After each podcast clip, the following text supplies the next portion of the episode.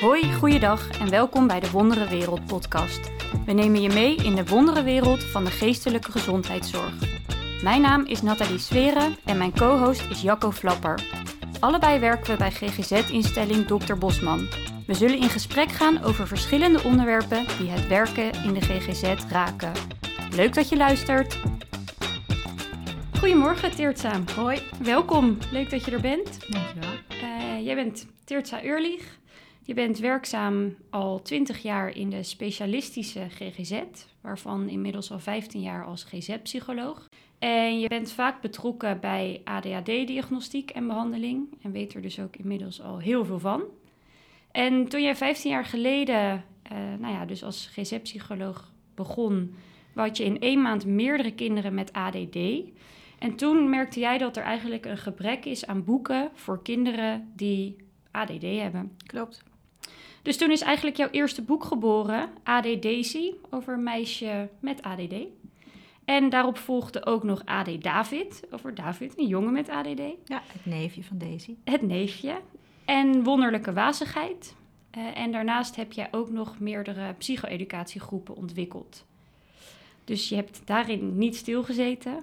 Uh, maar naast ADHD ben je ook altijd breed geïnteresseerd gebleven in onder andere uh, autisme spectrumstoornis en trauma.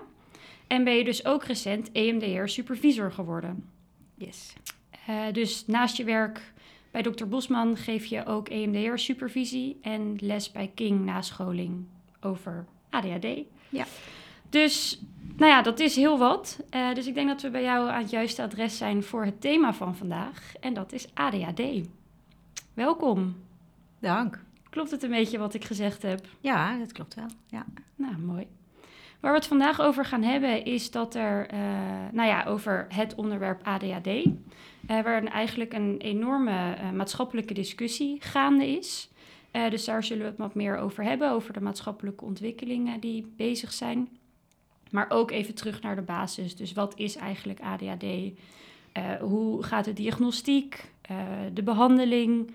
En we sluiten altijd af met een anekdote. Ik heb er zin in. Leuk. Ja, nou, kom maar op. Nou, mooi. Want kan jij iets vertellen over, over de huidige maatschappelijke discussie die eigenlijk gaande is rondom nou, meerdere thema's binnen de GGZ, maar vooral ook over ADHD? Uh, ja, uh, nou is er eigenlijk altijd wel discussie over ADHD. Uh, ik heb het zelf het idee dat zeg maar van alle ja, psychiatrische problemen die er zijn, of psychiatrische diversiteit, zou ik misschien meer moeten zeggen, in het kader van de huidige maatschappelijke discussie, dat ADHD er altijd wel uitspringt. Dus er is altijd wel uh, afgelopen 10, 20 jaar iets over ADHD geweest, of een controverse rondom medicatie. Maar wat eigenlijk nu heel erg speelt, is een soort ja, de verandering van de GGZ, waarbij uh, er een stroming is en daar ben ik eigenlijk alleen maar heel erg voor om meer ja, los te gaan van het stoornisdenken. De DSM is dus ons diagnostisch handboek waar al die stoornissen in staan. Ik ben zelf ook eigenlijk nooit gelukkig geweest met de term stoornis. Ik vind kinderen met ADHD of met de klassificatie ADHD vaak superleuke kinderen. Um, alleen, ja, ze botsen met de huidige maatschappij en dat, dat noemen we dan een stoornis, terwijl er eigenlijk niks mis is met die kinderen. Ze hebben misschien juist wel iets extra's. Um, maar wat daarin een belangrijk uh, uh, ja, thema of, of, onderdeel is, is ook um, het gevaar van reificatie. Nou, daar komt volgens mij ook nog een andere podcast over. Ja, er komt nog en een waarbij, andere aflevering over. ADHD is eigenlijk gewoon een verzamelnaam voor uh, ja, een, aantal gedragingen die wij met elkaar ADHD zijn gaan noemen. Maar wat er eigenlijk de afgelopen ja, misschien wel 10, 20, 30 jaar is gebeurd in de GGZ, is dat dat, dat soort dingen een soort eigen entiteiten zijn gaan worden. dus ik ben druk, want ik heb ADHD. Terwijl ADHD eigenlijk um, gewoon een beschrijving is van onder andere druk en ongeconcentreerd gedrag. Um, dus dat, dat maakt het ingewikkeld. En ik sta daar zelf ook, zeg maar, ik wil daar eigenlijk geen kant in kiezen. Want ik zie ook dat die kinderen met nou ja, die klassificatie in de huidige maatschappij echt wel vast kunnen lopen. Dat ze daarin kwetsbaar zijn. Dus ik denk als je die klassificatie niet meer stelt, uh, dat je daarin ook kinderen in de huidige maatschappij tekort doet. Tegelijkertijd zie ik ook wel de tekorten van de huidige maatschappij. Ehm, waarbij ja, er eigenlijk misschien wel veel te snel wordt gegaan. Uh, waardoor uh, sommige kinderen in een grote klas uh, in een bepaald tempo ja, onvoldoende de focus hebben of te veel energie in hun lichaam om op tijd op te starten met hun lesje en hun lesje überhaupt af te krijgen. Dus ja, ik denk dat het zou mooi zijn als we met elkaar toe kunnen naar een maatschappij waarin we met elkaar iets meer op de rem trappen. Mm maar misschien ook wel, ja, ik zou heel erg zijn voor klassen van maximaal 15 kinderen. Een juf eh, of een meester en, eh, en daarbij ook nog een, een onderwijsassistent. Ja. Ehm, want in de lockdown hoorde ik bijvoorbeeld ook heel vaak dat zowel leerkrachten als kinderen eigenlijk in die periode dat er even halve klassen waren, gewoon uh, voor veel, ja, dat gaf eigenlijk veel meer rust voor beide kanten. Ja, dus, dus dat, dat zou een van de dingen zijn in de ideale wereld. Ja, zou die in de ideale wereld zou de klassificatie ADHD niet meer nodig zijn. Dan zouden er nog steeds kinderen zijn die zeg maar op een continuum van uh, rustig gefocust uh, tot uh, onrustig en minder goed gefocust. Die zouden er nog steeds zijn. Maar ja, het zou geen stoornis meer hoeven heten, omdat de maatschappij, zeg maar, de context, dat kan opvangen. Bedoel je dan eigenlijk dat de omgeving een stuk beter afgestemd is op het kind of wat het kind nodig heeft? Ja, en dat we met elkaar als maatschappij ook minder hoge eisen stellen aan kinderen die niet Ehm, eh, ja, volgens de, gemiddelde norm, die ook maar gewoon bepaald is, ja. Eh, in dat tempo mee kunnen. Ja. ja, ik vind het heel interessant en we duiken meteen enorm de diepte in. Um, maar ik wil graag eerst nog even een beetje uitzoomen om eerst nog even te bespreken wat is nou eigenlijk ADHD en wel, wat zijn die kenmerken waar je het over hebt. Um, en er zijn nou, verschillende ja, tussen aanhalingstekens soorten. Ja. Kan je daar wat meer over vertellen? Ja, en dan is het dus, blijft het goed om, om, om ons te bedenken hè, dat dit uh, ja, bedachte termen zijn. Dus dat we met elkaar daarin regels of criteria hebben afgesproken. Um, maar goed, als we even die discussie loslaten.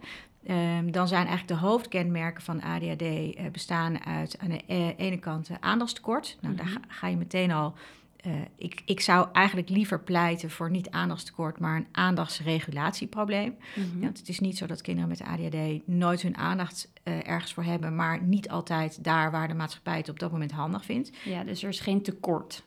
Nee, want ze kunnen zich best concentreren als ze dingen heel interessant vinden of als het uh, ge, zeg maar gefaseerd wordt aange uh, boden. Um, alleen ze kunnen zich niet altijd concentreren op de momenten die, zeg maar, bijvoorbeeld in een klassensetting op dat moment handig, handig is. Ja.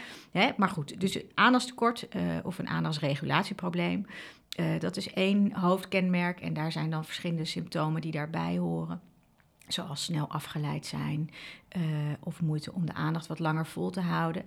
Um, en uh, het, een ander hoofdkenmerk is hyperactiviteit. Nou, dat is eigenlijk gewoon een duur psychologenwoord voor uh, fysieke, maar ook innerlijke in het hoofd onrust.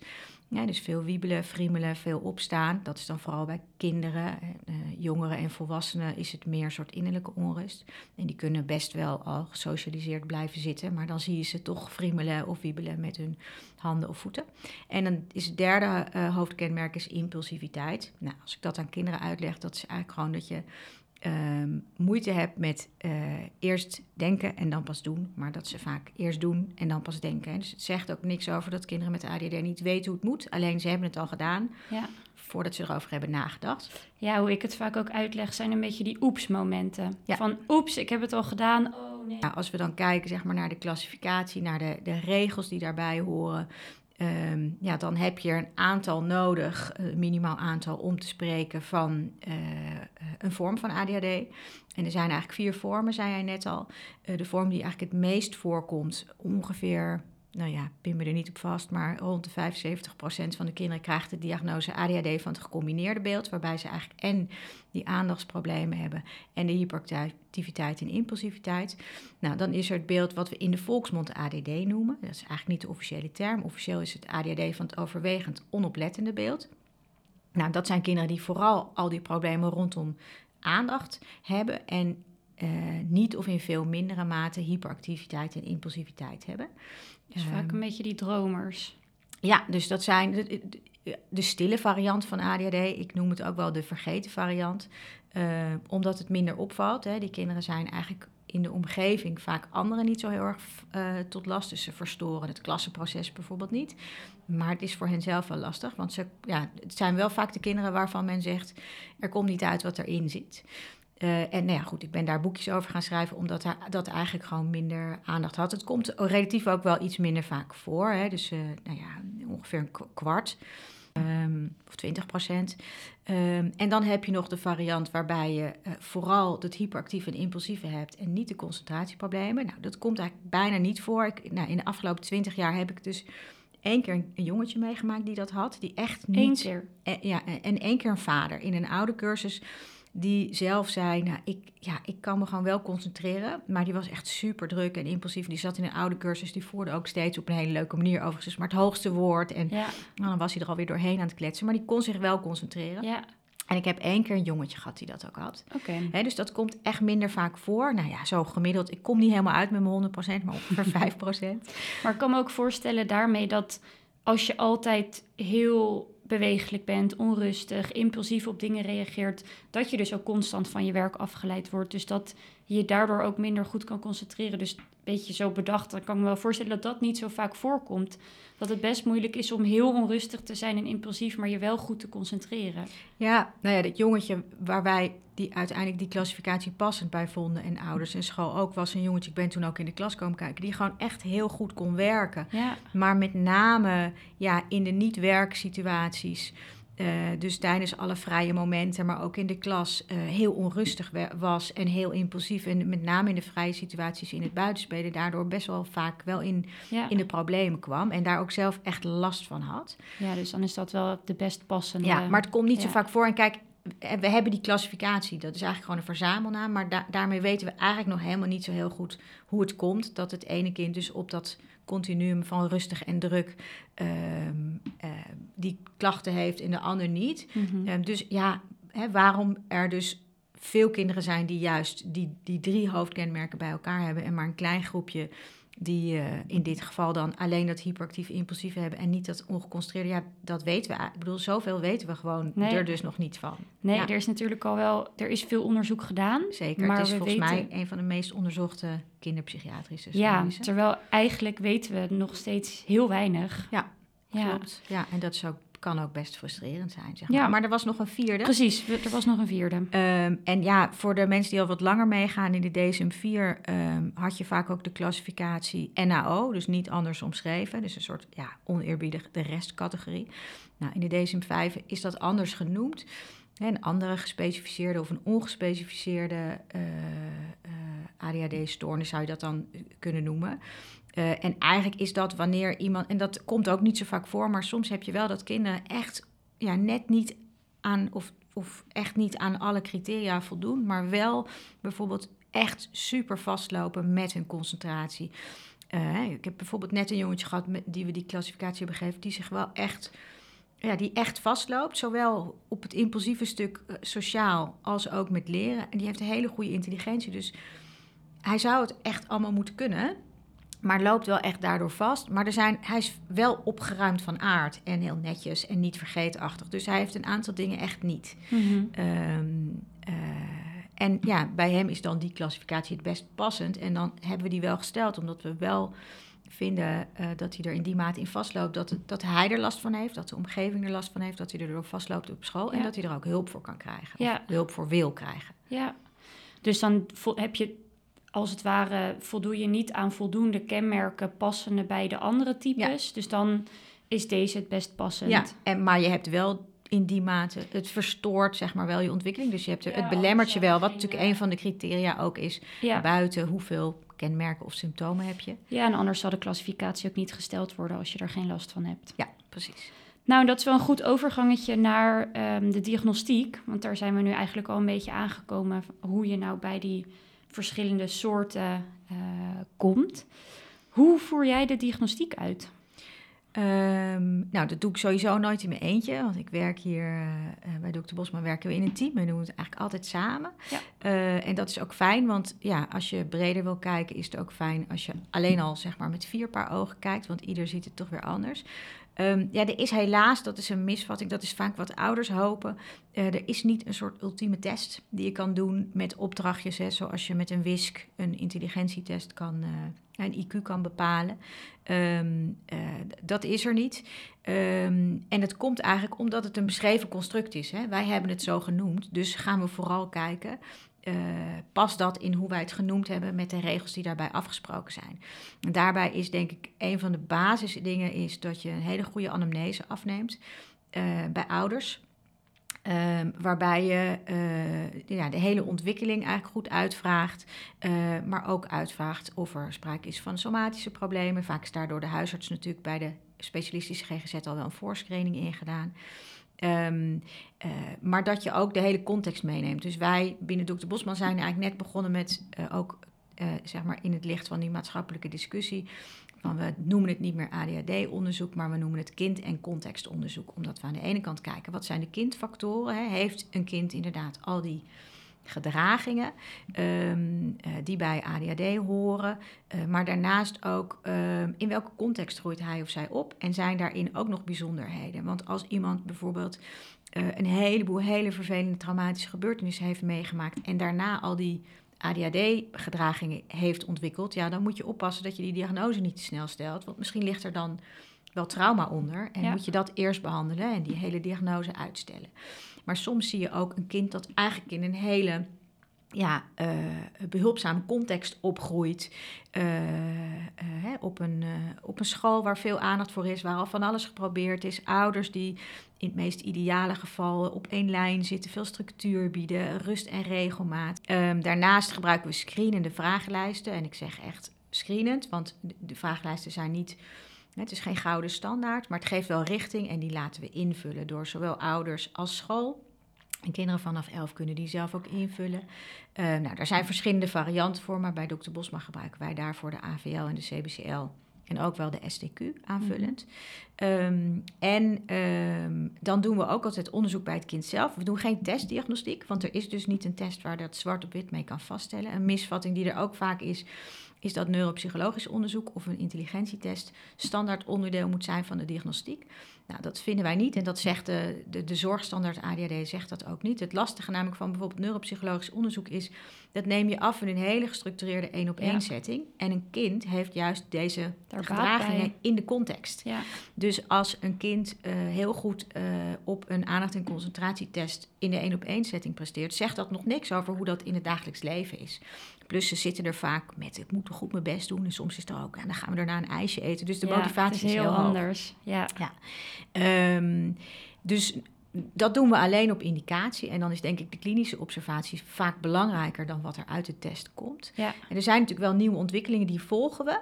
Uh, hè, van neuropsychologisch onderzoek. Maar er is gewoon nog niet iets wat heel goed echt discrimineert tussen nee. wel en niet ADHD. Nee. Um, Terwijl bijvoorbeeld een intelligentieonderzoek, dat voegen we, doen we ook wel eens, maar meer voor aanvullende informatie. Ja, precies. Als we Hè, als er vermoedens zijn dat er sprake is van overvraging, onver, uh, onderstimulatie, zeg je dat zo? Onder, ondervraging. Ja, ondervraging, ja. Um, of uh, misschien wel hè, ja, bepaalde sterke en zwakke kanten, dan doen we dat aanvullend. Maar het is dus niet per se standaard, standaard een nodig. onderdeel. Ja. Nee. Nou ja, en dan doen wij altijd wel ook een hè, observatie door kind. Dat laten we doen of door de GZ-psycholoog of door de psychiater. Um, zodat een kind ook zelf kan vertellen hè, waar hij of zij last van heeft. Uh, maar ook om een beeld te krijgen van zouden, zouden er eventueel nog andere dingen kunnen spelen. Hè? Als bijvoorbeeld het contact heel ingewikkeld is. Of een kind, uh, ja, nou, wat ik zei eerder, allerlei traumatische dingen heeft meegemaakt en daar nog last van heeft. Of heel erg somber oogt. Dan doen we meer psychologisch onderzoek daarna om uit ja, te dus sluiten. Je veel breder. Ja, van kan het niet iets anders zijn? Je moet eigenlijk bij ADHD vooral ook kijken, kan het niet iets anders zijn dat het gedrag verklaart? Ja. En als dat niet zo is, nou ja, dan ja. zou het ADHD kunnen zijn. Ja. Uh, en soms is het natuurlijk wel een combinatie. Ja. ja. En wat we ook nog vaak doen is de Jong Diva. Ja, om echt precies. met ouders uh, en kinderen te kijken van... hé, hey, welke kenmerken herken jij nou van de aandachtstekort... en van de hyperactiviteit en impulsiviteit... Um, want dat, dat is weer een beetje waar we het net over hadden van de vierde soort. Nou ja, soort klinkt zo gek, maar uh, de vierde categorie eigenlijk. Dat als je dus onvoldoende kenmerken herkent, dan, maar je hebt wel klinisch lijden, dan kunnen we daarop uitkomen. En dat heeft dus eigenlijk hiermee te maken. Ja, dat je de, daarmee... de diva, of de jong diva, is inderdaad gewoon een, uh, een semi-gestructureerde vragenlijst. Hè? En je hebt natuurlijk ook bredere semi-gestructureerde vragenlijsten. En wij hebben inderdaad gekozen van we gebruiken de diva, hè? omdat we in het hele contextonderzoek wel breder kijken, maar als we echt kijken van voldoet iemand aan die criteria volgens de DSM om die klassificatie te geven, daar is de Jong Diva wel een fijne, semi-gestructureerde vragenlijst voor. En wat houden ze dan aan? Aan hoeveel moet je. Nou ja, je hebt ja, volgens de DSM uh, zijn er negen symptomen. Nou is symptoom eigenlijk ook al een ja, medisch woord. Hè? Terwijl, dus daar zouden we eigenlijk vanaf moeten. Maar goed, daarom noem ik het ook nu steeds gedraging. Maar volgens de DSM zijn er dan negen symptomen die horen bij aandachtstekort. En daar heb je er zes of meer van nodig. Vanaf je zeventiende heb je er vijf of meer van nodig. Uh, en hetzelfde geldt voor hyperactiviteit en impulsiviteit. Die horen dan bij elkaar. Dat zijn er zes van de hyperactiviteit en um, drie van impulsiviteit. En daar heb je er ook uh, zes of meer van nodig. Maar alleen dat al zegt iets. Hè, als je dat met wiskundige uh, uh, berekeningen gaat uitrekenen, zijn er dus ga ik wel meer dan duizend varianten. Mm -hmm. Want je, iedereen kan natuurlijk weer andere zes symptomen ja. hebben en een ander heeft negen symptomen en acht. En, ja. hè, dus dus bij, in die zin ziet, ziet ADHD er ook wel weer bij iedereen anders uit. Ja, en ik denk dat daarin dus ook die klinische blik heel belangrijk is. Want als je kijkt naar die kenmerken, bijvoorbeeld eentje van hyperactiviteit is beweegt vaak onrustig de handen of voeten of wiebelt op zijn stoel ja, wat is vaak? Ja. De ene persoon zal denken van, nou, uh, ik wiebel af en toe... en waarvan anderen misschien denken, joh, die kan echt niet stilzitten. En de ander zal zeggen van, ja, ik kan nooit stilzitten... terwijl je hem eigenlijk constant heel rustig in de klas ziet zitten. Ja, dus en dat is ook het lastige. Ik bedoel, het is een stoornis die binnen de context waarin wij met elkaar nu in, de, in deze eeuw leven, um, uh, bepaald wordt eigenlijk. Want uh, vaak, hè, ik probeer altijd wel echt te kijken dat je niet alleen vaak zegt, maar wat is dan vaak voor jou? En is dat tien keer per dag of één keer per dag of elke dag? Ja. En zo zijn de vragenlijsten natuurlijk ook wel opgebouwd. Hè, dat we met elkaar wel een beetje het hebben over dezelfde definitie van vaak. Ja. Maar toch ga je het ook vergelijken met anderen in de maatschappij waarin we leven. Dus uh, ja, twintig jaar geleden was, had vaak misschien een andere betekenis dan nu. Dus ja. Dat, ja, dat klopt. En dat, dat maakt het meteen ingewikkeld. Ja. En heb jij ook wel eens het idee dat mensen hier dan voor diagnostiek komen omdat ze een soort van op zoek zijn naar een oorzaak? Want krijg, krijg je dat met ADHD, een oorzaak? Of is dat eigenlijk precies waar we het over hebben in de maatschappelijke discussie? Nou ja, dat, dat... we weten nog niet precies. Hè. Je zou kunnen zeggen dat er multifactoriële oorzaak, met andere woorden, er zijn meerdere dingen. Hè. Er is mogelijk is er, is, is, zit er iets, is er iets genetisch. maar er zijn ook omgevingsfactoren en dat interacteert met elkaar, plus je eigen persoonlijkheid.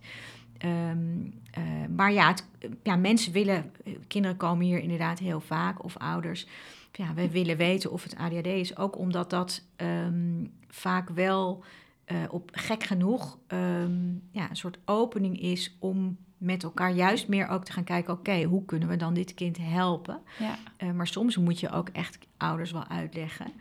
Van ja, daarmee hè, verandert je kind niet. Dus we moeten juist kijken hoe kunnen jullie hem of haar beter helpen. En ik, de, de quote: If a flower doesn't bloom, you fix the environment, not the flower. Mm -hmm. dat vind ik wel een mooie uitspraak die van toepassing is op onder andere dit. Um, we, kunnen het kind met ADHD of met die klassificatie ADHD, dat blijft gewoon uh, het kind zoals het is. En dat is goed. Alleen soms moet je de omgeving wel aanpassen om te zorgen dat ook dit kind zeg maar, zich goed kan ontwikkelen en goed kan bloeien. Ja. Um, ja. En ik zit nog te bedenken wat we nog vergeten zijn bij de diagnostiek, niet onbelangrijk, is dat je ook informatie wil van het tweede milieu.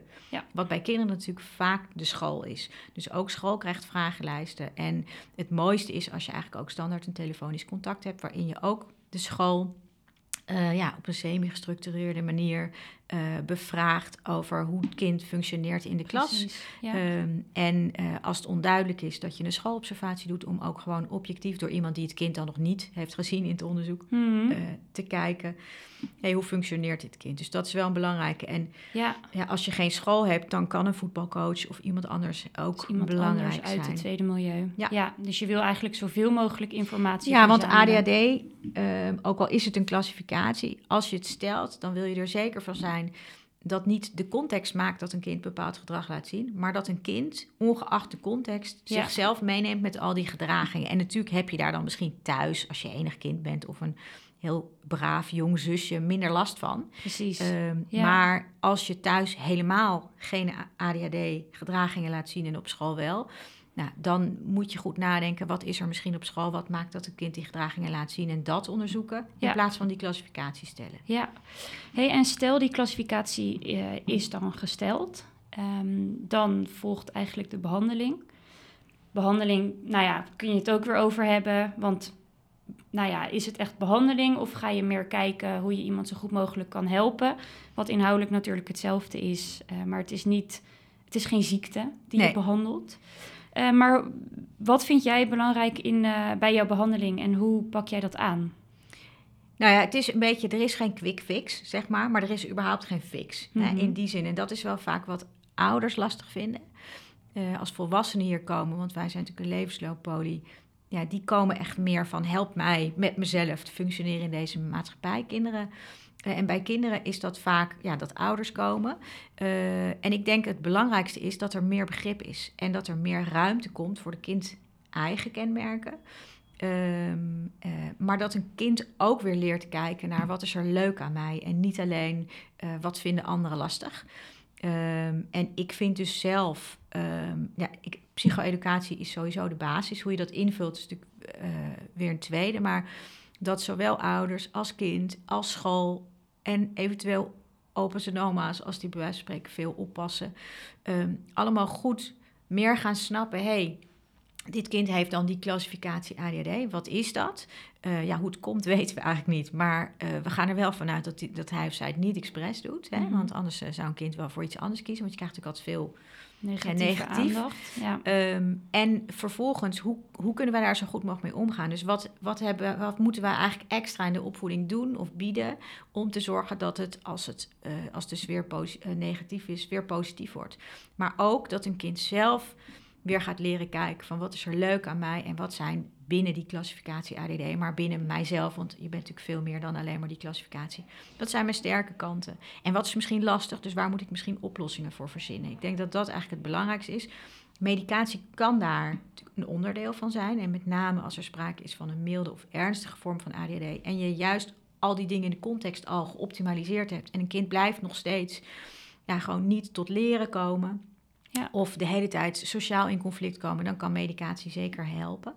Uh, maar het is, het is nooit het enige. En Nee. het is meestal ook niet waar je mee begint. Want je, ja, je begint eigenlijk als je het goed doet. En dat zegt de zorgstandaard ook altijd met psycho-educatie. Uh, en daarna met ofwel dus ouderbegeleiding, mediatietherapie en ook school. Uh, daarin advies geven. Um, uh, en um, nou ja, als dat onvoldoende is, of als het al heel ernstig is, dan kan je meteen kiezen voor medicatie. Maar nooit zonder die psycho-educatie. Hè? Dus zonder dat Nee, je met je elkaar als gezin. hoe het, wat, Ja. er, wat er gaande is, wat, Ja. er, wat de kenmerken zijn, wat je eventueel voor tips kan doen. Ja. Ehm, ja, en dan dus als dat allemaal gedaan is en er blijken ook nog andere dingen te spelen, kan je dus ook nog individuele. Tuurlijk, tuurlijk, dat is natuurlijk altijd. Ja, een heleboel en, andere eh, dingen. EMDR, zoals ja, jij eh, Bijvoorbeeld als iemand een heel laag zelfbeeld heeft ontwikkeld, of als iemand heel erg somber of angstig is geworden. En soms moet je dat dan ook eerst of tegelijk doen. Hè? Ik bedoel, als iemand heel erg depressief is, dan moet je niet alleen maar die ADHD of ADD proberen te behandelen. Maar ja, je moet het kind eh, zeg maar in zijn geheel meenemen. Ja. Ja. En ik ben wel benieuwd, want uh, nou, jij, we kunnen echt nog uren doorpraten. Jij weet er heel veel van. Maar wat maakt dat jij uh, juist dit onderwerp zo leuk en interessant vindt? Uh, ja, goede vraag. Ik, ja, ik ben er oorspronkelijk ingerold. Toen ik mijn GZ-opleiding deed, gingen wij een ADHD-poli opstarten op mijn toenmalige werkplek. Dus toen zeiden ze zei, wil jij daar dan als GZ-psycholoog bij? En als je in opleiding bent, nou, ik zei in ieder geval overal ja op, want ik vond alles nog leuk. Ehm, maar wat ik leuk vind aan de doelgroep is dat aan de ene kant het dus zo divers is. Geen één persoon met de klassificatie ADD is hetzelfde. Maar ze hebben allemaal wel uh, ja, een soort positieve energie, creativiteit, uh, een beetje out of the box denken. Wat maakt dat het gewoon een, ja, een, een, een, doelgroep is waar ik heel enthousiast van word. Zij zijn vaak ook heel enthousiast. Dus dat mhm. heeft een soort uh, mooie interactie. Um, ja, dus, dus dat vind ik leuk. Het zijn vaak de mensen die als je goed met je ADHD of ADD leert omgaan, dan zijn het wel de smaakmakers in de maatschappij, maar ook degene die soms echt mooie nieuwe dingen doen. Ja, dus, echt zijn, dat outside the box denken, waardoor ja, er heel zijn heel, er zijn niet voor niets denk ik heel veel mensen uh, met hele goede posities uh, in de politiek, maar ook uh, in de kunstwereld, ja, die een soort ADHD-aanleg hebben. Ja. Want ze, ja, hè, misschien zijn ze eigenlijk, ik bedoel, wij zeggen stoornis, maar misschien is het eigenlijk wel een betere versie, weet je, de verder geëvolueerde versie van de mens. Ja. Uh, want ze brengen juist iets extra's. Maar ja, vind ik een mooie kijker op. Ja, ja, absoluut. Ja, leuk. hey, en we sluiten ook altijd af met, nou, met een, een anekdote over wat je mee hebt gemaakt met een cliënt. Heb jij een anekdote? Ja, ik heb er eigenlijk twee. Uh, die horen wel een beetje bij elkaar. Nou, ik geef ook uh, groepen hè, die, uh, voor kinderen met ADHD, psycho-educatiegroepen. Dus daar gaan we de ADHD niet mee fixen, zeg maar. Maar wel leren hoe zit ik in elkaar en hoe kan ik daar zo goed mogelijk mee omgaan. Um, en dat doen we eigenlijk altijd dus met allemaal kinderen met ADHD. En, ik had een keer een groep waarbij we een kennismakingsrondje deden. En uh, nou ja, de ene heet Piet en de ander heet Keesje. En toen was er een jongen die zei, ik heet Storm. En toen uh, zei een ander jongetje, hé, hey, maar ik heb jou in mijn hoofd. En dat vond ik heel schattig. Uh, maar dat, nou ja, oh. hè, want hij had gewoon Storm in zijn ja. hoofd. En dat vond ik ook wel een mooi voorbeeld dat hij dus eigenlijk al wel een beetje wist... hé, hey, ik zit hier hè, vanwege de storm in mijn ja. hoofd. Dus dat was heel leuk. En uh, nou ja, dat uh, was volgens mij ook hetzelfde jongetje dat met een ernstige vorm van ADHD echt bij ons binnen was gekomen en vastliep op school en vastliep thuis. Echt, ja, soms is dat zo, helaas uh, niet altijd, maar die was echt een beetje uitgekakt door iedereen mm. om hem heen. maar na de eerste bijeenkomst van de groep was hij zo opgeladen en zo dat hij zei: Dit is echt de eerste keer hè, dat mensen me leuk vinden omdat oh, ik druk ben en niet niet leuk. En die had toen de tweede keer voor iedereen een kaartje gemaakt met daarop een soort naamkaartje met hun naam en ADHD. En, uh, en dan daaronder konden de kinderen nog invullen drie andere dingen die leuk waren aan henzelf. En dat vond ik zo mooi dat hij eigenlijk al binnen één oh, sessie ADHD schattig. ging zien als een kracht. Ja, wauw. Um, en dat die storm in zijn hoofd eigenlijk iets leuks was in plaats van alleen maar iets lastigs. Dus dat, ja, oh, dat zijn dingen die je bijblijven. Ja, daar doe je het ook voor natuurlijk. Ja, zeker. Ach, ja. super lief zeg. Nou, en dat is natuurlijk wat uh, ik denk wat jij komende tijd nog heel erg gaat doen. Heel veel mensen verder helpen. Ja, maar wel ook uh, kritisch blijven op die maatschappelijke discussie. En wie ja. weet kunnen we met elkaar wel, uh, ja, dat gaat ook niet van vandaag op morgen, maar naar, naar een ander soort maatschappij. Ja, ja, zou mooi zijn. Ja. Ik denk dat dat een, een heel mooi lange termijn doel is, waarvan we nu op de korte termijn al zoveel mogelijk stappen kunnen zetten. Ja. Mooi. Dankjewel. Ik wil je bedanken. Geen dank. Dit was de Wondere Wereld podcast. Een podcast mede mogelijk gemaakt door Dr. Bosman. Muziek wordt gedaan door Noodweer Music. Bedankt voor het luisteren.